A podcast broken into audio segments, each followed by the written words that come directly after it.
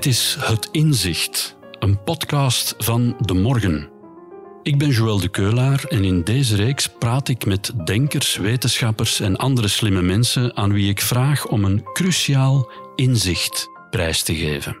Wat hebben ze geleerd over de wereld en het leven dat ze graag met ons willen delen?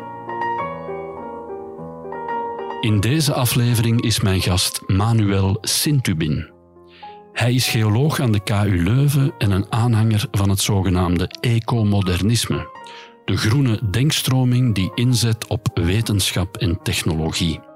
Hij vertelt de fascinerende geschiedenis van onze planeet en legt uit hoe het leven die planeet mee heeft vormgegeven.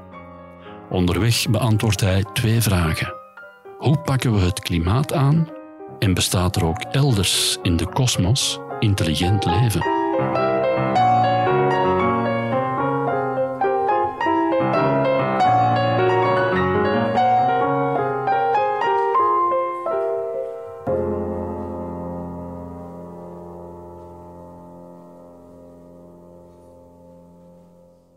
Manuel Sintubin, welkom in onze podcast Het Inzicht.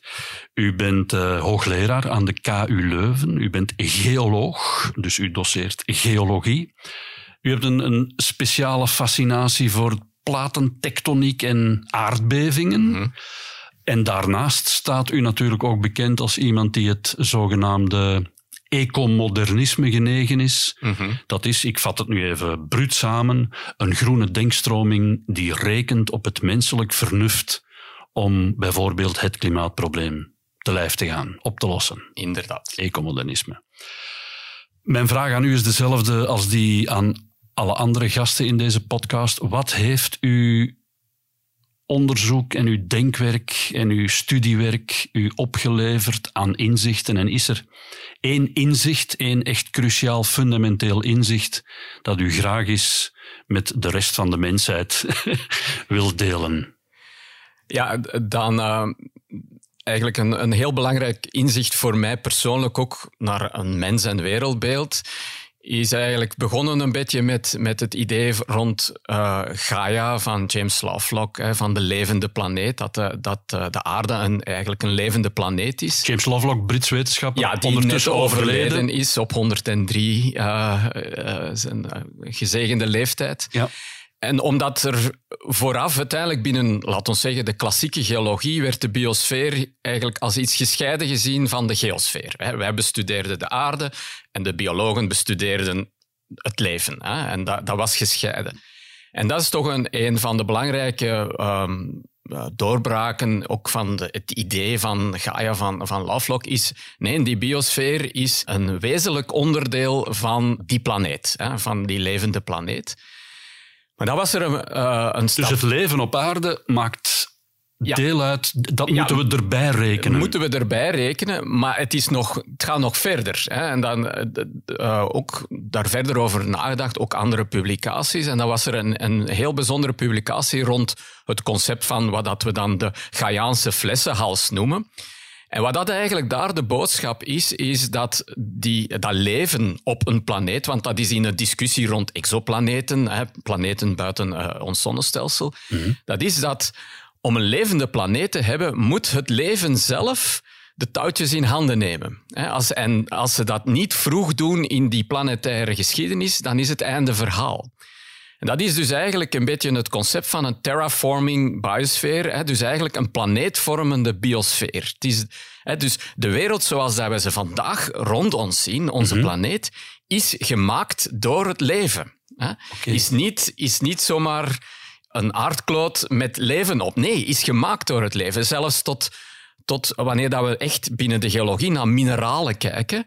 De mineraalrijkdom op onze planeet is vele malen groter dan op Mars of op Venus. Waarom? Omdat het leven enorm veel mineralen heeft gemaakt. Het grootste deel van de mineralen is eigenlijk door leven gemaakt je gaat niet zoveel mineralen vinden op, op Mars of op Venus, maar wel op aarde. Dus tot in het kleinste detail van die planeet is eigenlijk het leven altijd ergens aanwezig. En u zegt dat, moet, dat leven moet vrij vroeg ja op, dus de planeet is er en dan moet dat leven vrij vroeg opduiken of het is al meteen Nee, einde verhaal. Het leven, moet, ja, het leven moet vrij vroeg opduiken op die planeet, maar wat dat belangrijker is, dat leven moet vrij vroeg de touwtjes in handen nemen en die planetaire omstandigheden gaan beginnen omvormen. Wat betekent Om- dat? Ja. Ja, dus heel concreet, in, in, in het geval van planeet Aarde is eh, het broeikaseffect is altijd een issue geweest op onze planeet.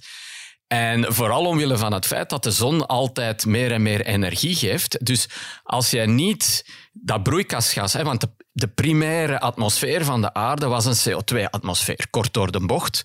Maar als er niets is om die CO2 uit die atmosfeer te halen, ja, dan krijg je een Venus-scenario. Dan met de primaire atmosfeer had het hier nu 300 graden Celsius geweest op aarde en niet 15 graden gemiddeld Celsius. Dus er moest een mechanisme komen om die CO2 constant, eigenlijk doorheen die 4 miljard jaar geschiedenis, uit die atmosfeer te halen. En wie, wie is dat? Dat zijn die, die, die bacteriën, die cyanobacteriën, die blauwwieren, die beginnen kalkbergjes zijn beginnen bouwen. Wij noemen dat stromatolieten, maar die zijn kalkbergjes beginnen bouwen. Dat is eigenlijk gewoon CO2 die ze uit de lucht gehaald hebben en dat in steen omgevormd Het waren de hebben. eerste levensvormen. De eerste levensvormen. De eerste levensvormen waarvan dat we fossielen terugvinden. We moeten altijd met, met twee woorden spreken. Maar sindsdien heeft het leven door CO2 uit de atmosfeer te halen en dat in kalksteen vast te leggen, dat CO2-gehalte altijd doen afnemen eh, in, die, in die atmosfeer. En we zien dat, dat er nog processen zijn. Op een bepaald ogenblik, 450 miljoen jaar geleden, begint de kosmossen beginnen de continenten te veroveren. Wat dat maakt dat eigenlijk bodems beginnen te ontwikkelen. Dat eigenlijk die, die verwering van de continenten en dus eigenlijk de opname van CO2 uit de atmosfeer nog efficiënter gaat gebeuren. Enzovoort, enzovoort. Dus dat leven heeft altijd gezorgd, die planetaire omstandigheden altijd vormgegeven om, en dat is soms de kritiek die Lovelock gekregen heeft, om zichzelf in stand te houden en evolutie toe te laten. En Alsof dus- het een dus- bewust proces was. Ja. dus dat is de kritiek die Lovelock altijd gekregen heeft, dat er een doel achter zit. Natuurlijk zit daar geen doel achter. Dat is allemaal toeval, maar het gebeurt. Hè. Het is een, een, een vrij robuust, eh, zelforganiserend systeem. That's it. Maar het, het werkt al 4 miljard jaar, dus het is wel robuust uiteindelijk. Het heeft Ja. wel hier en daar eens een crisis meegemaakt, maar het is vrij robuust. Dus wij halen al, wij, ik spreek nu namens het leven op aarde. namens de biosfeer. Ja, eh, we halen al 4 miljard jaar CO2 uit, atmosfeer. uit de atmosfeer. Ja. Sinds de industriële revolutie is dat andersom. Af en toe heb je een crisis in het aardse verhaal. Hè. Zo 55 miljoen jaar geleden is er ook ineens wat dat we de carbon burp noemen. Hè. Een boertje. Hè. Liet, liet, de planeet liet een, een koolstofboertje. Dat is op een heel korte termijn is er dan heel veel CO2 in de atmosfeer gekomen. Wat dat er echt gaande was, dat weten we eigenlijk nog niet. Maar dan zien we hoe, dat, dat klimaat, hoe dat heel het systeem daarop gereageerd heeft. Ook een klimaatopwarming enzovoort enzovoort. Ja, we kennen het verhaal, het klassieke verhaal dat we nu bezig zijn.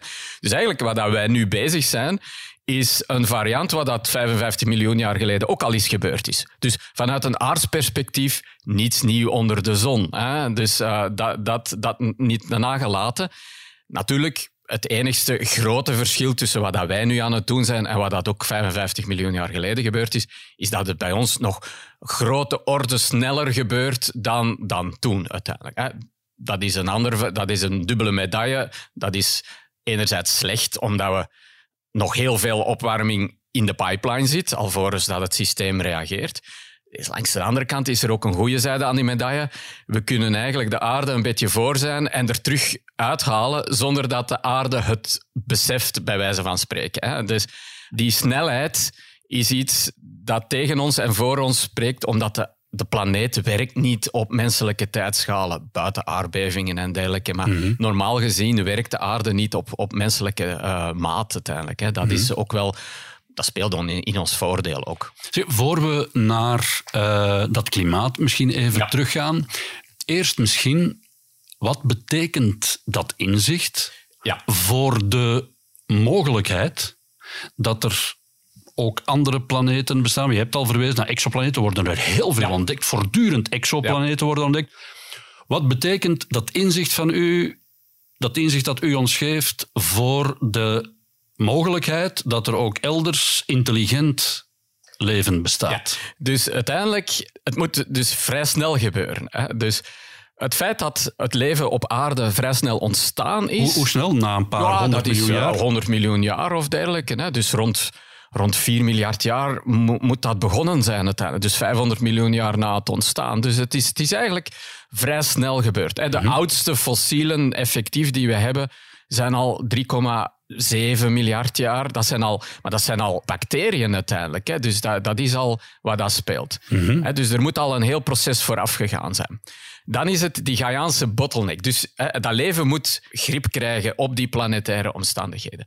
Ja, je kunt dat experiment niet opnieuw doen, maar gelukkig hebben we eh, modellen, modelwerk dat we kunnen doen. En we kunnen dus heel dat verhaal miljoenen keren rerunnen uiteindelijk. Ah ja, hè. oké. En dus er zijn studies die dat planetaire verhaal onder verschillende omstandigheden gaan rerunnen uiteindelijk. Opnieuw laten lopen en zien waar komen we uit. En dan zie je dat het eigenlijk een gigantische toevalstreffer is. Dat je dus dat, dat proces op gang krijgt en onderhoudt over lange perioden. En dat neigt, maar dat is een persoonlijke visie, dat is geen wetenschappelijk eh, vaststaand feit. Dat neigt voor mij naar toch wel een vrij uniek experiment, kosmisch experiment, dat planeet Aarde is. hè. Dus als u uw geld moet inzetten, stel dat we het morgen te weten komen en u moet vandaag uw geld inzetten, dan zet u uw geld in. Er is geen intelligent leven buiten de aarde. Ja. maar, Ja. Nee, maar ja, nee, dat is, dat, ik zeg het, hè, je kan dat niet wetenschappelijk bewijzen.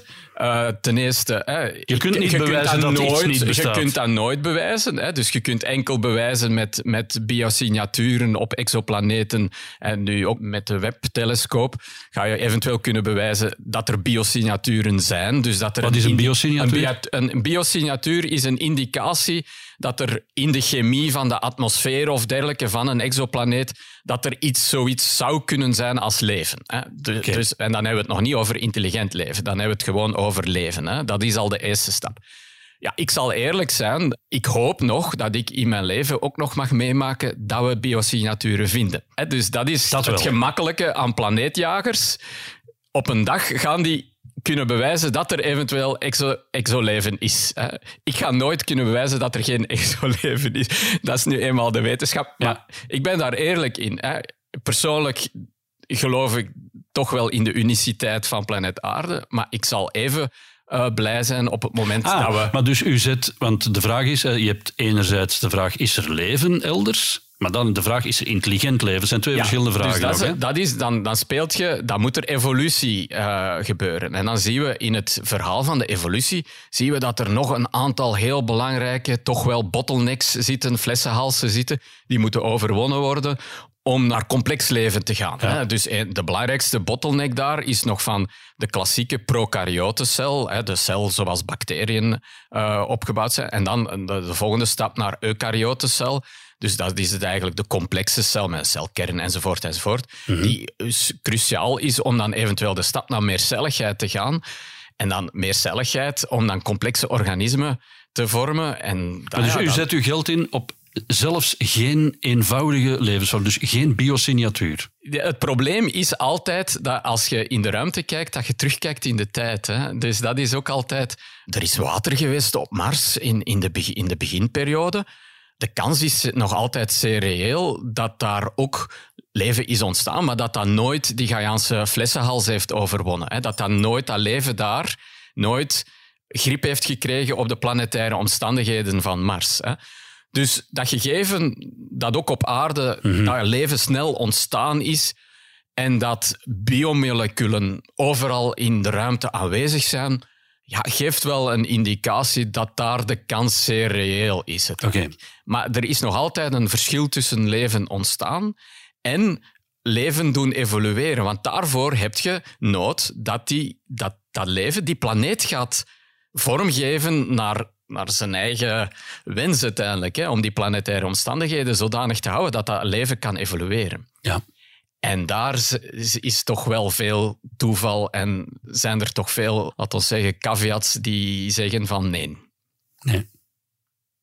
Dus Fermi eh, heeft nog altijd gelijk als ze zegt, waar zijn ze dan uiteindelijk? Ja, Fermi, de Italiaanse natuurkundige, die zei van, ja kijk, als er buitenaards intelligent leven bestaat, dan zouden we ervan gehoord hebben. Ja, voilà. Aangezien dat niet het geval is. Dus.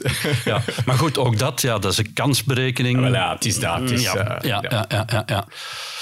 Dus het leven op aarde heeft die planeet mee vormgegeven. Het is niet een aardkloot, een bolletje waar wat leven op rondloopt. Dat is één geïntegreerd systeem. Wat James Lovelock Gaia noemde.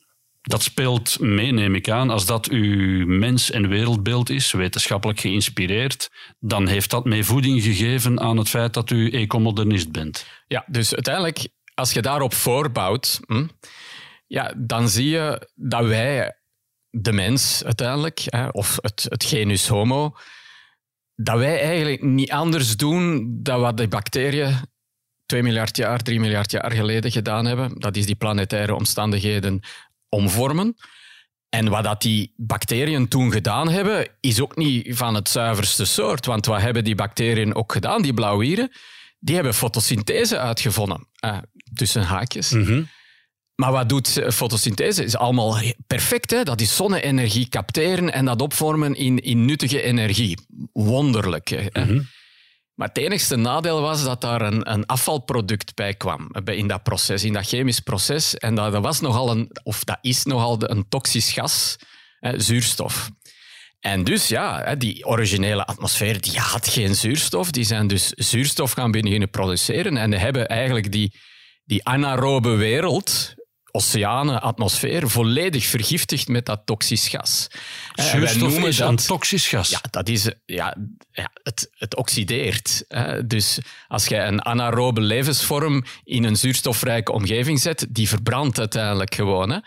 En dat heeft 2 miljard jaar geleden ongeveer, heeft dat wat dat wij de zuurstofcrisis noemen. Dat moet een enorme ecologische ramp geweest zijn op aarde. Oké, dat zuurstof heeft dan natuurlijk andere evolutionaire perspectieven geboden naar eh, een, als energiebron. Eh, Dat leven heeft dat dan ook gaan zien als ah, dat is een nuttige energiebron die we kunnen gebruiken. De celademhaling, eh, zoals dat wij leven, Ja. is daar het resultaat van. Wat ik ook gezegd heb, to- toen dat die korstmossen de continenten zijn gaan veroveren en, en dat die CO2 heel efficiënt uit de atmosfeer hebben gehaald, heeft ook tot een crisis geleid. Hè. Dat, dat is de fameuze Hirnantiaan-glaciatie, heeft tot een ijstijd ge- geleid. Toen dat zelfs de CO2-gehaltes in de atmosfeer in de duizenden deeltjes per, per eh, miljoen zaten. Ja, nu is zitten nu ongeveer aan 400. 400. hè. Ja. En dus in dat opzicht, hè, dan kom je eigenlijk naar het, het beeld van de mens. Hè. Wij zijn gewoon lid van die terraforming biosfeer. En wij doen eigenlijk niets anders dan die cyanobacteriën. Wij passen onze planeet aan. Niet altijd ten goede, maar we zijn ermee bezig. Wij, zijn een lid van die terraforming biosfeer. Alleen is er één groot verschil met, met die blauwieren of met die korstmossen. Door de wetenschap hebben wij geleerd hoe dat die planeet werkt en zijn wij bewust van de manier waarop dat wij aan die terraforming biosfeer bezig zijn, hoe dat wij daarmee bezig zijn. En dat maakt een groot verschil. Hè. En, en dus ja, wij moeten onze verantwoordelijkheid Juist. nemen. Het is niet een schuld- en boeteverhaal van waar dat de mens naast de natuur geplaatst wordt, waar dat toch nog altijd in dat klassieke ecologisme zit. Hè. Dat is nog altijd de naweeën van de Club van Rome uiteindelijk, hè, waar dat in het, in het tweede rapport van de Club van Rome duidelijk geschreven staat in het begin van de aarde heeft een kanker en die kanker is de mens. Hè, dus waar dat die mens echt gewoon naast die natuur en eigenlijk als het slechte aangezien wordt, terwijl de natuur het goede is. Zie je als je vanuit dat standpunt gaat, ja, wij zijn gewoon deel van die natuur. Wij zijn die natuur. Maar dat moet je En- toch ook, als je, als je dat beseft, nu neem ik misschien even de positie van de ecologist in. Als je beseft dat je een deel uitmaakt van de natuur, dan is het toch des te belangrijker dat je je verantwoordelijkheid opneemt om niet die atmosfeer vol CO2 te blijven pompen, Ja, bijvoorbeeld. Oké, maar dus dan, dan kom je in een verhaal van, ja, we wisten het allemaal wat dat er ging gebeuren. Ja, zo werkt het leven niet, zo werkt de mens niet, zo werkt de natuur niet. Dit is een kosmisch experiment dat al 4 miljard jaar aan de gang gaat. Dat is met trial and error. En dus eigenlijk, ja, de mens heeft ook een trial and error systeem in gang gezet, heeft op een bepaald ogenblik een zeer performante energiebron gevonden. En, en ja, de resultaten zijn dat we daarin wat dat wij de Great Acceleration noemen, de grote versnelling na de Tweede Wereldoorlog. En met hè, wat dat we op een exponentiële curve zitten, wat alle mogelijke parameters hè, uh, in het sociaal-economische systeem, uh, gezondheidszorg, noem maar op, alle, hè, alles is exponentieel gegroeid in een heel korte dus periode. Dus de toestand van de wereldbevolking is er enorm op vooruit gegaan. Ja, voilà. Hè, en dat is ja, ook ten dele omwille van het feit dat we die heel uh, condense energiebron gevonden hebben, waar dat, ja, de sky was ja. the limit uiteindelijk. Steenkool en olie hebben ons veel welvaart, ja, gezondheid en voorspoed We moeten dat ook erkennen uiteindelijk. Hè. Maar wat dat we nu eigenlijk ook, en dat is ook wetenschap natuurlijk, en, en het besef van die, die, hoe dat die planeet werkt, is dat, dat ja, we weten sinds corona weten we dat exponentiële groei dat dat nooit goed is hè, voor geen enkel systeem. Dus dat weten we. Hè.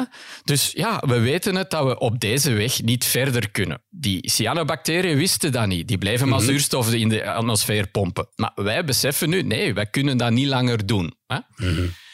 Dus dan kom je naar die klassieke uitspraak van Stuart Brand we are as gods and we might as well get good at it. Hè? Dus, en daar, daar zit die filosofie Stuart achter. Brand is een, ook een iemand... ecopragmaticus uiteindelijk. Ja. Daar zit die filosofie achter van wij zijn een geologische kracht geworden.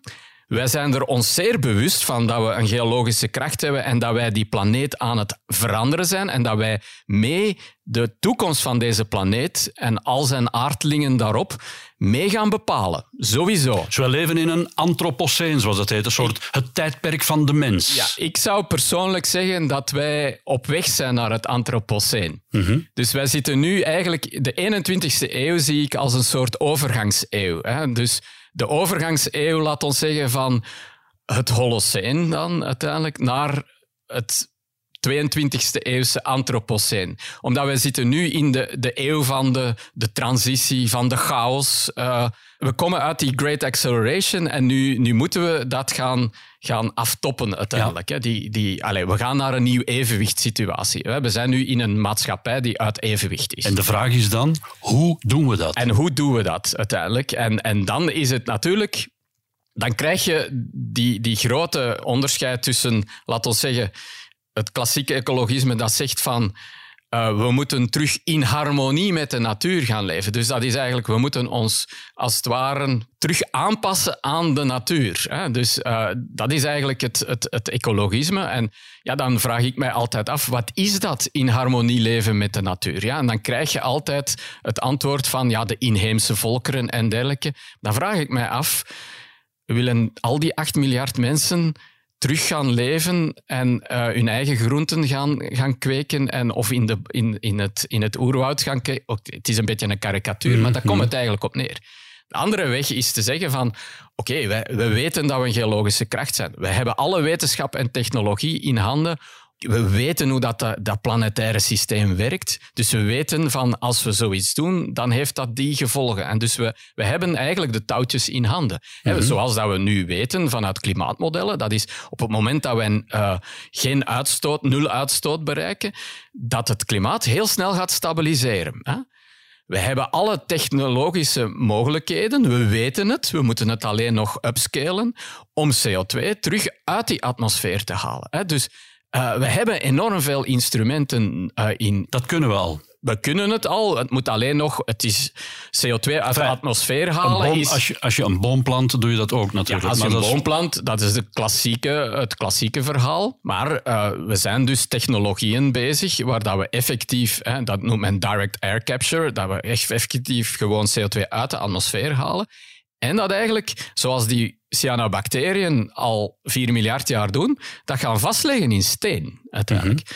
En vastleggen in steen, dat is eigenlijk een vrij permanente oplossing uiteindelijk. Hè. Dus wanneer dat we naar CCS kijken, Carbon Capture and Storage, wat dat ook vrij courant uh, in, de, in de media komt wanneer dat het over de, ja. de olie- en, koolstof, gasindustrie... Koolstof afvangen en opslaan. Afvangen van een industrieel proces en dan ja. eigenlijk opslagen in lege gasvelden. Dus eigenlijk wel een gascentrale bouwen, die stoot CO2 uit, maar we maar vangen die met, CO2, we pakken die meteen en we ja, slaan die op. En we slaan die op in een gasveld. Dat is eigenlijk nog altijd...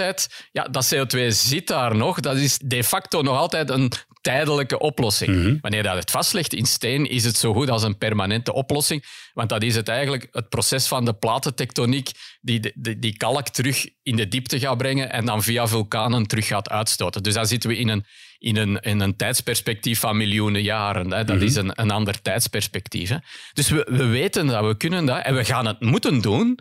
Willen we enerzijds, hè, ehm, we gaan sowieso in wat dat we overshoot noemen, we gaan hoger gaan met onze CO2-uitstoot dan we eigenlijk ons budget is om de richtcijfers naar het einde van het eeuw te, te halen. Hè. Dus, eh, eh, dus we gaan het moeten doen. En, en, en dat is soms ook een beetje... Maar we gaan het kunnen doen. En we gaan het... Ja, dat is mijn geloof in de mens en het menselijk vernuft. Ja. Je kunt dat ook naïef noemen, maar dat is of een ideo- ideologisch of, of eh, idealistisch noemen. Maar ja, hetzelfde kun je bijna zeggen voor klassieke ecologisten, die toch eigenlijk een enorm geloof hebben in de maakbaarheid van een maatschappij en, en, het, aan, en, en het feit dat de mensen zich gaan aanpassen en anders gaan leven. Hè. Als we teruggaan naar, naar de slogan van Agalev uiteindelijk.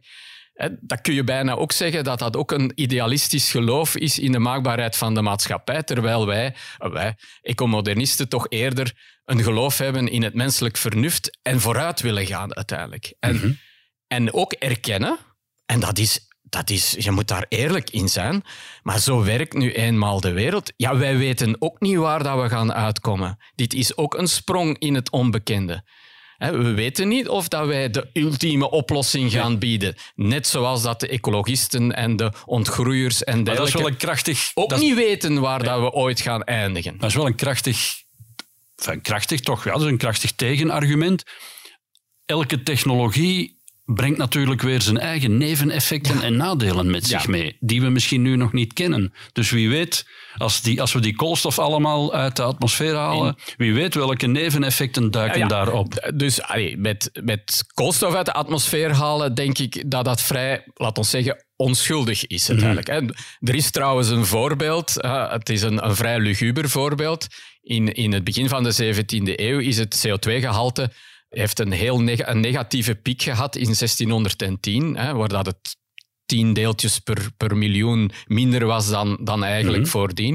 En dat heeft eigenlijk alles te maken met, met dan eigenlijk het uitsterven van de pre-Columbiaanse bevolking omwille van de, de, ja, de Europeanen die het Amerikaanse continent veroverden. Daar is eigenlijk van de 65 miljoen pre-Columbianen die, die daar toen leefden, over heel de Amerika's is er 55 miljoen uitgestorven. En dat heeft tot gevolg gehad dat enorm veel van het landgebruik van die eh, pre-Columbianen ja, niet meer gebeurde. Dat er een rewilding was, de natuur nam terug over. En die natuur heeft CO2 uit de atmosfeer gehad. Dus dat is eigenlijk het eerste negatieve emissie-experiment dat de mens ooit heeft uitgehaald. Hè, zonder het te beseffen, met een heel luguber kantje. Maar we weten dat het, het, het kan en dat het eigenlijk weinig negatieve effecten heeft. hè. Een, een ander voorbeeld daarvan is bijvoorbeeld wat dat wel een heel toch wel ehm, gevaarlijk spel is, waar dat ik persoonlijk geen voorstander van ben. Maar wat dat we wel achter moeten houden, dat is geoengineering. Wat dat is dus eh, wanneer dat je effectief een scherm gaat bouwen in de hogere atmosfeer om zonlicht tegen te houden uiteindelijk. hè. De, de, de solar Door radiation... zwaveldeeltjes Ah, wel ja, in de solar radiation eh, management uiteindelijk. Daar weten we dat dat enorm veel effecten kan hebben op, op het hele weersysteem, globale weersysteem. Ja. Dus dit is heel gevaarlijk spel. Ja. We weten, maar dat is dan ook weer door wetenschap, weten we, eh, onder andere door, door onderzoek van Valérie Trouet, eh, weten we dat dat negatieve effecten hebben. Hè? Om- Ja, ja, ja. Omdat we dat ook weten van, van, onze- van vulkaanuitbarstingen, hoe dat, dat weersystemen kan doen veranderen en dergelijke. Valerie Trouet, de Vlaamse academica die in de Verenigde Staten werkt, eh, boom, De boomspecialist. Een gedachte-experiment. U zegt de technologie bestaat of zal er komen om CO2 uit de atmosfeer te halen. Stel, die technologie staat volledig op punt.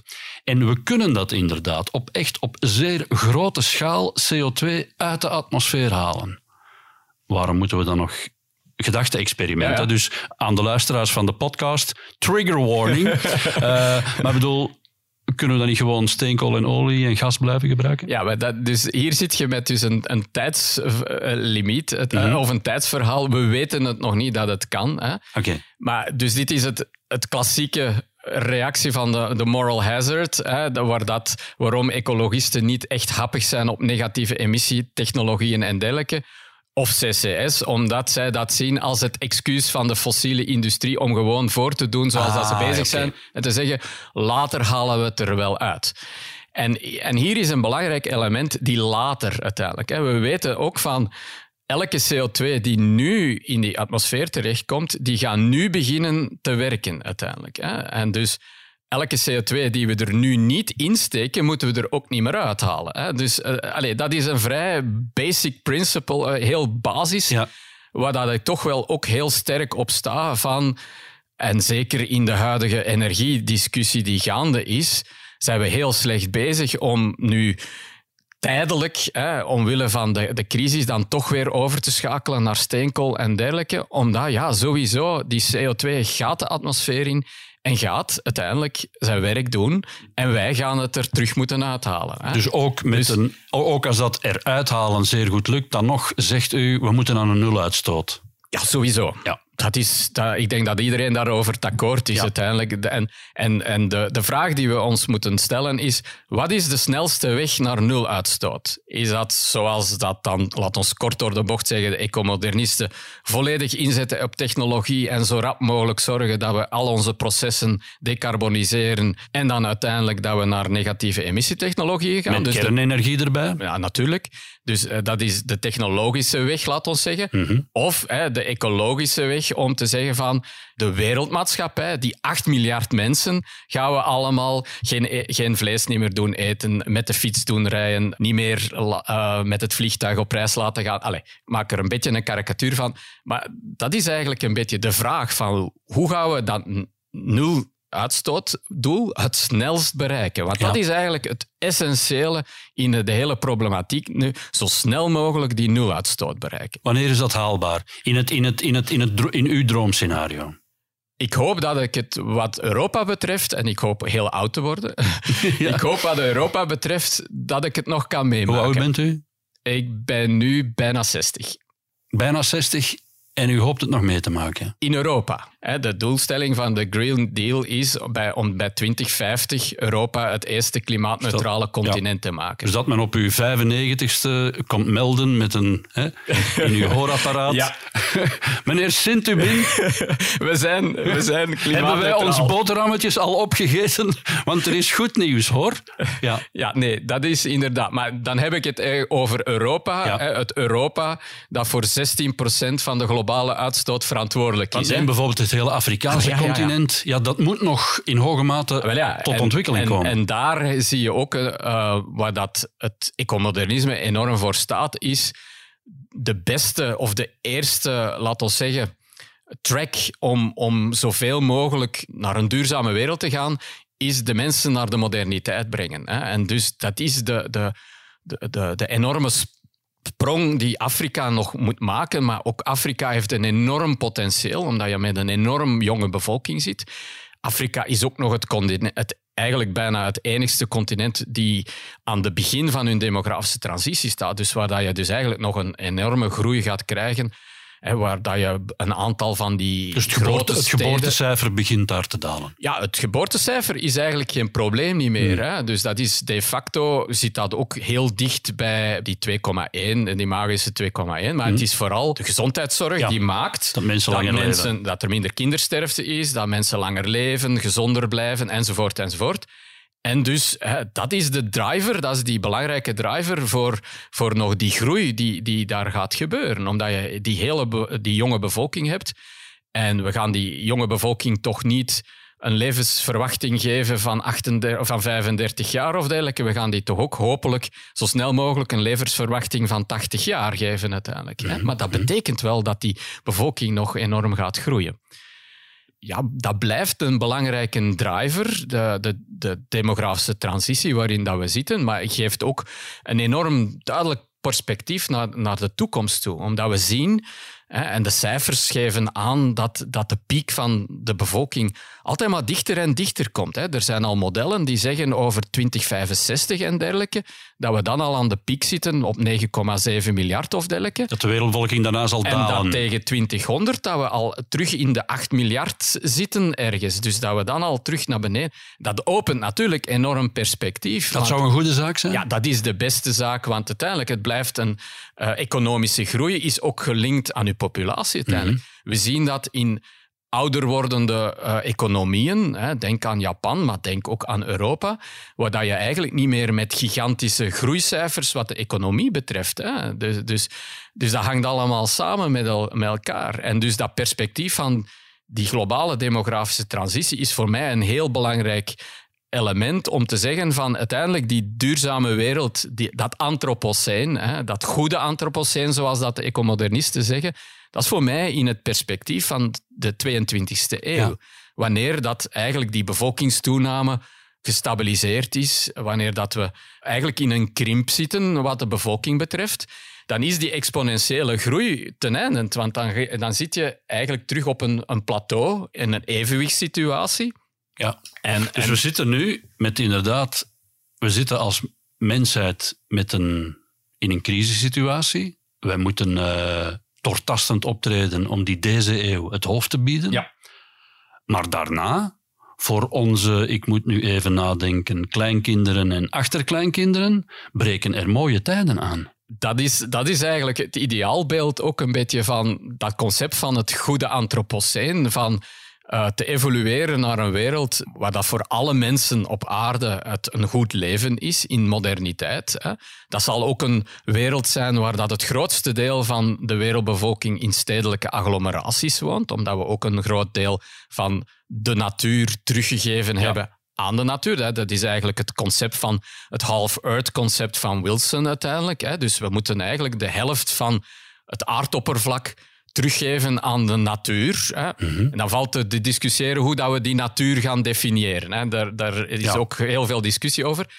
Het gaat in stedelijke, in groene steden zijn, waar dat de, de, het gros van de, de wereldbevolking gaat leven, een goed leven gaat leiden op een planeet met een heel krachtige, sterke, levende biosfeer. En, en het zal een warmer klimaat zijn, hè, sowieso, maar met een gestabiliseerd klimaat, waar dat het redelijk leven is uiteindelijk. Dus dat is de toekomst uiteindelijk. En als wij uh, zo efficiënt gaan zijn in het, in het uh, onttrekken van CO2 uit de atmosfeer en we kunnen dat terugbrengen, hè, een, een cijfer dat de ronde doet als, laten we zeggen, een stabiel niveau om die anderhalve graad te hebben. En dat is 350. 350 deeltjes per miljoen. Ja, we zitten nu aan 420. Dus je ziet wat een gigantische opdracht dat voor mhm. ons staat uiteindelijk. Hè. Dus stel dat we zelfs vandaag zouden stoppen, moeten we van 420 terug naar 350. Hè. Mm Laat ons zeggen, op lange termijn, stel dat die methodes uh, gaan werken, is dat eigenlijk een mooi uh, doel om dus eigenlijk niet alleen het klimaat te stabiliseren, maar ook terug eigenlijk een beetje te doen afkoelen uiteindelijk. Dat zit allemaal in onze mogelijkheden. Op lange termijn. Professor Sintubin, mag ik u danken voor dit boeiende inzicht en het ja, fraaie vergezicht dat u hebt geschetst. Graag Dank u wel. Dank u wel. U luisterde naar Het Inzicht, een podcast van De Morgen. Ik bedank Dries Vermeulen voor de opname en montage en Sam Vijs voor de eindredactie. Meer afleveringen van deze podcast vindt u in de app van De Morgen of via Spotify of Apple Podcasts. Als u graag reageert, dan kan dat via het e-mailadres podcasts.demorgen.be. Hartelijk dank voor het luisteren.